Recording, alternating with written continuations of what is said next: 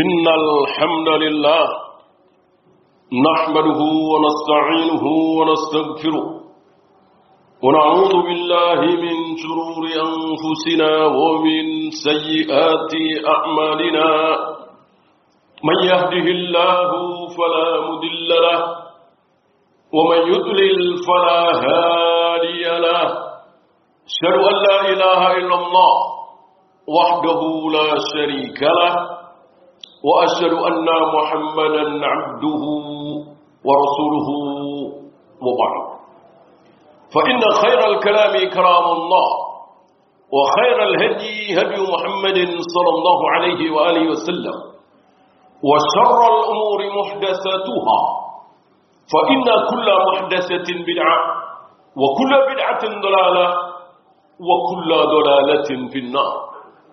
Jamaah معزكم الله Tidak ada di antara kita yang tidak menginginkan punya seorang presiden, pemimpin, raja, gubernur, wali kota yang saleh, amanah, adil, taat kepada Allah dan Rasulnya.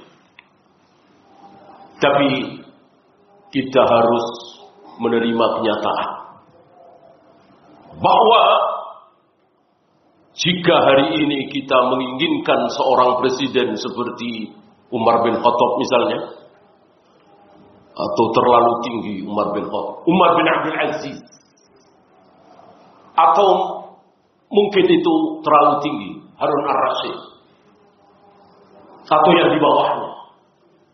Jika kita menginginkan seorang pemimpin seperti beliau-beliau, berarti kita sedang bermimpi. Kita sedang berhayal. Kenapa? Karena kita wajib menerima dalil. Wajib percaya dengan kala Allah wa kala Rasul. Bahwa Allah tidak akan memberikan seorang presiden pemimpin yang adil. Tidak akan. Kecuali kecuali rakyatnya dulu adil duluan. Allah tidak akan memberikan seorang pemimpin yang amanah kecuali rakyatnya dulu amanah. Allah tidak akan memberikan seorang presiden yang taat kepada Allah dan Rasulnya sebelum kita semua taat kepada Allah dan Rasulnya. Jadi presiden yang baik, pemimpin yang adil, yang jujur, yang amanah adalah hadiah dari Allah. Untuk siapa? Untuk rakyat yang adil, yang amanah, yang jujur. Apa yang ada di Al-Quran dan Sunnah sesuai dengan kenyataan. Sangat sesuai dengan kenyataan. Kita lihat. Ketika Allah memberikan pemimpin sebaik Abu Bakar Umar. Lihat rakyatnya. Adakah di hari itu rakyat yang tidak sholat? Gak ada satupun. Yang tidak puasa Ramadan? Gak ada satupun. Yang berbuat syirik, berbuat bid'ah? Tidak ada satupun. Maka Allah berikan hadiah besar. Berupa seorang pemimpin sesoleh sebaik Abu Bakar dan Umar. Ini jawaban yang keluar dari mulut Ali bin Abi Thalib.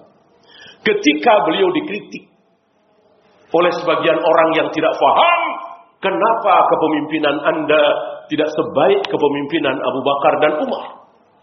Dengan enteng Ali menjawab, kalau kalian ingin punya pemimpin sebaik Abu Bakar dan Umar, mudah. Mudah sekali. Bagaimana? Kun rijala Abi Bakrin wa Umar. Jadilah kalian rakyat-rakyat seperti rakyat di zaman Abu Bakar dan Umar.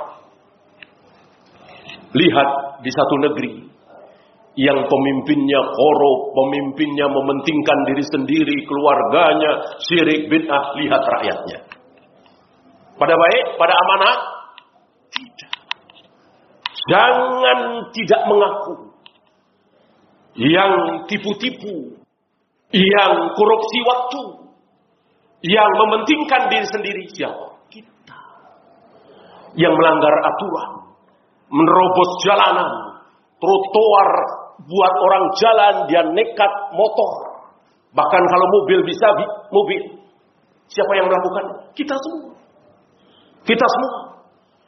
Lalu kita ingin punya pemimpin yang taat peraturan, yang adil, yang jujur. Tidak. Ini kalau Allah wa kalau Rasul. Maka apa yang diucapkan oleh Ali bin Abi Thalib kita jadikan pelajaran. Mau pemilu, pilkada diulang-ulang terus tidak akan terjadi perubahan. Kalau kitanya tidak berubah, maka yang dituntut oleh Allah kita sebagai rakyat berubah. Yang biasa berangkat jam 9, padahal tanda tangan kontrak kita berangkat jam 8 atau setengah 8. Perbaiki. Ini dosa. Kita sudah berjanji, sudah tanda tangan bahwa kita akan masuk jam 8, pulang jam setengah 5 misalnya. Kita pulang jam 4, alasan ngaji, alasan silaturahim, tidak bisa. Amanah. Ini bukan satu dua kita langgar. Maka Allah tegur, Allah sindir. Allah berikan pemimpin yang tidak taat peraturan, yang korup, yang begini, yang begitu. Itu sindiran Allah kepada kita. Aqulu qawli hadha astaghfirullah li wa lakum.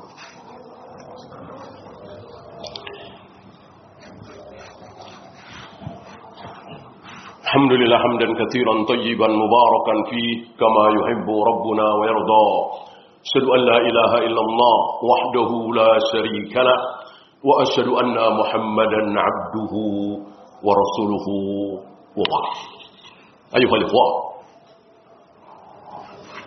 banyak dari kita berteori. Jadi yang baik duluan itu siapa? Presiden. Presiden duluan jujur, amanah, taat, peraturan, taat kepada Allah dan Rasulnya.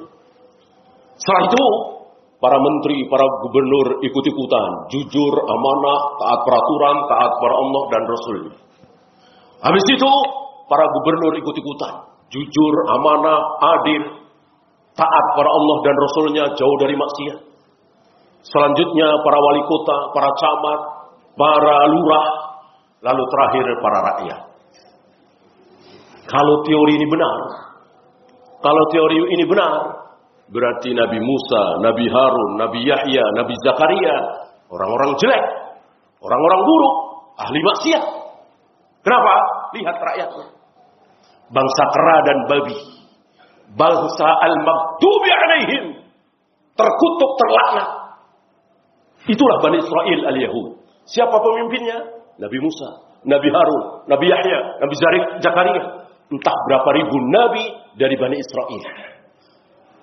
Antum berani mengatakan Nabi Musa, Nabi Harun, Nabi Yahya nggak becus memimpin Bani Israel? Ucapan kufur. Ini semakin terang benderang. Menunjukkan bahwa pemimpin tidak bisa merubah rakyat. Rakyatnya dulu berubah. Setelah rakyat berubah, dari bid'ah ke sunnah, dari syirik ke tauhid, dari maksiat ke taat. Akhirnya Allah akan berikan hadiah. Apa? Pemimpin yang adil. Seandainya, seandainya satu ketika rakyat yang baik, rakyat yang jujur, ya, rakyat yang taat kepada Allah, satu ketika diuji oleh Allah. Diberi pemimpin atau di bawah pemimpin amir yang jahat, yang kejam. Siapa contoh? Hajat bin Yusuf. Insya Allah antum tahu siapa Hajat bin Yusuf. Kita cari tandingannya hari ini sulit. Manusia yang sangat kejam. Seorang muslim yang sangat istilahnya haus darah. Bayangkan beberapa ulama dibunuh oleh Hajat bin Yusuf. Salah satunya Said bin Jubair. Dan bahkan seorang sahabat, cucu dari Abu Bakar. Abdullah bin Zubair. Intinya kekejaman Hajjat bin Yusuf luar biasa. Ada siapa hari itu? Siapa rakyat hari itu? Di antara rakyat masih ada Anas bin Malik. Masih ada Asma binti Abu Bakar. Masih ada beberapa sahabat. Abu Bakar, Umar, Utsman, Ali sudah tidak ada. Ya. Bertemulah di situ antara beberapa sahabat walaupun tidak sampai ribuan bersama para tabi'in. Apa yang mereka lakukan ketika Allah uji mereka dengan Hajjat bin Yusuf, seorang pemimpin, tapi khusus di Mekah Madinah. Kan pemimpin tertingginya kan Yazid. Bukan Hajjat bin Yusuf. Hajat bin Yusuf istilahnya Amir. Istilah kita mungkin sekarang gubernur. Kekejaman Hajat bin Yusuf yang luar biasa. Yang puncaknya adalah membunuh, menyalib cucu dari Abu Bakar ini. Dan luar biasa kekejaman Hajat bin Yusuf tapi masih muslim. Apa yang dilakukan oleh para sahabat, apa yang dilakukan oleh Anas bin Malik tidak ada. Tidak ada satupun. Boro-boro demo keluar jalanan menuntut keadilan hajat nggak ada. Bahkan dalam majelis-majelis mereka tidak membahas sedikit. Mereka sibuk membahas ilmu, membahas mana yang halal, mana yang haram, sifat surga, sifat neraka, bagaimana jihad dan seterusnya. Tidak bahas. Karena memang begitulah ketika kita dipimpin oleh pemimpin yang kejam, zalim, fajir, korup, ini kita sedang diuji. Sabar apa tidak? Alhamdulillah, hari itu para rakyat, orang-orang yang berilmu, orang-orang yang baik, orang-orang yang tidak terkena subhat orang-orang Yahudi dan Nasrani, pemimpin salah sedikit demo, pemimpin keliru dikit demo, pemimpin menaikkan BBM demo dan seterusnya, ini subhat Yahudi dan Nasrani. Adapun Nabi alaihi salatu wassalam mengatakan sabar. Sabar sampai kalian bertemu aku di haud, di telagaku nanti. Janji Nabi alaihi salatu wassalam kepada rakyat kaum muslimin yang mau sabar ketika dipimpin oleh yang pemimpin yang zalim, fajir, korup, jelek dan seterusnya. Kesabaran para sahabat Allah balas. Allah berikan hadiah. Tidak lama Allah matikan Hajjat bin Yusuf tanpa peperangan antara rakyat dengan penguasa. Habis itu Allah uh, takdirkan seorang terbaik hari itu memimpin kaum muslimin. Cicit dari Umar bin Khattab yang bernama Umar bin Abdul Aziz. Yang ketika pertama kali dibayar, beliau mengucapkan innalillahi wa inna ilaihi raji'un. Yang beberapa bulan, saya kira tidak sampai setahun beliau menjadi khalifah, para amil zakat kebingungan. Para petugas zakat kebingungan. Membagi zakat. Kenapa? Fakir nggak ada, miskin nggak ada, gorim nggak ada. Sementara baitul mal menumpuk. Orang-orang miskin, orang-orang fakir hampir-hampir tidak ada, tidak dijumpai. Kebingungan mereka saking kaya raya negeri hari itu. Allah berikan kebaikan kepada kaum muslimin setelah kaum muslimin sabar dipimpin oleh pemimpin sekejam Hajat bin Yusuf. اللهم صل على محمد وعلى آل محمد كما صليت على إبراهيم وعلى آل إبراهيم إنك حميد مجيد. اللهم اغفر للمسلمين والمسلمات والمؤمنين والمؤمنات الأحياء منهم والأموات.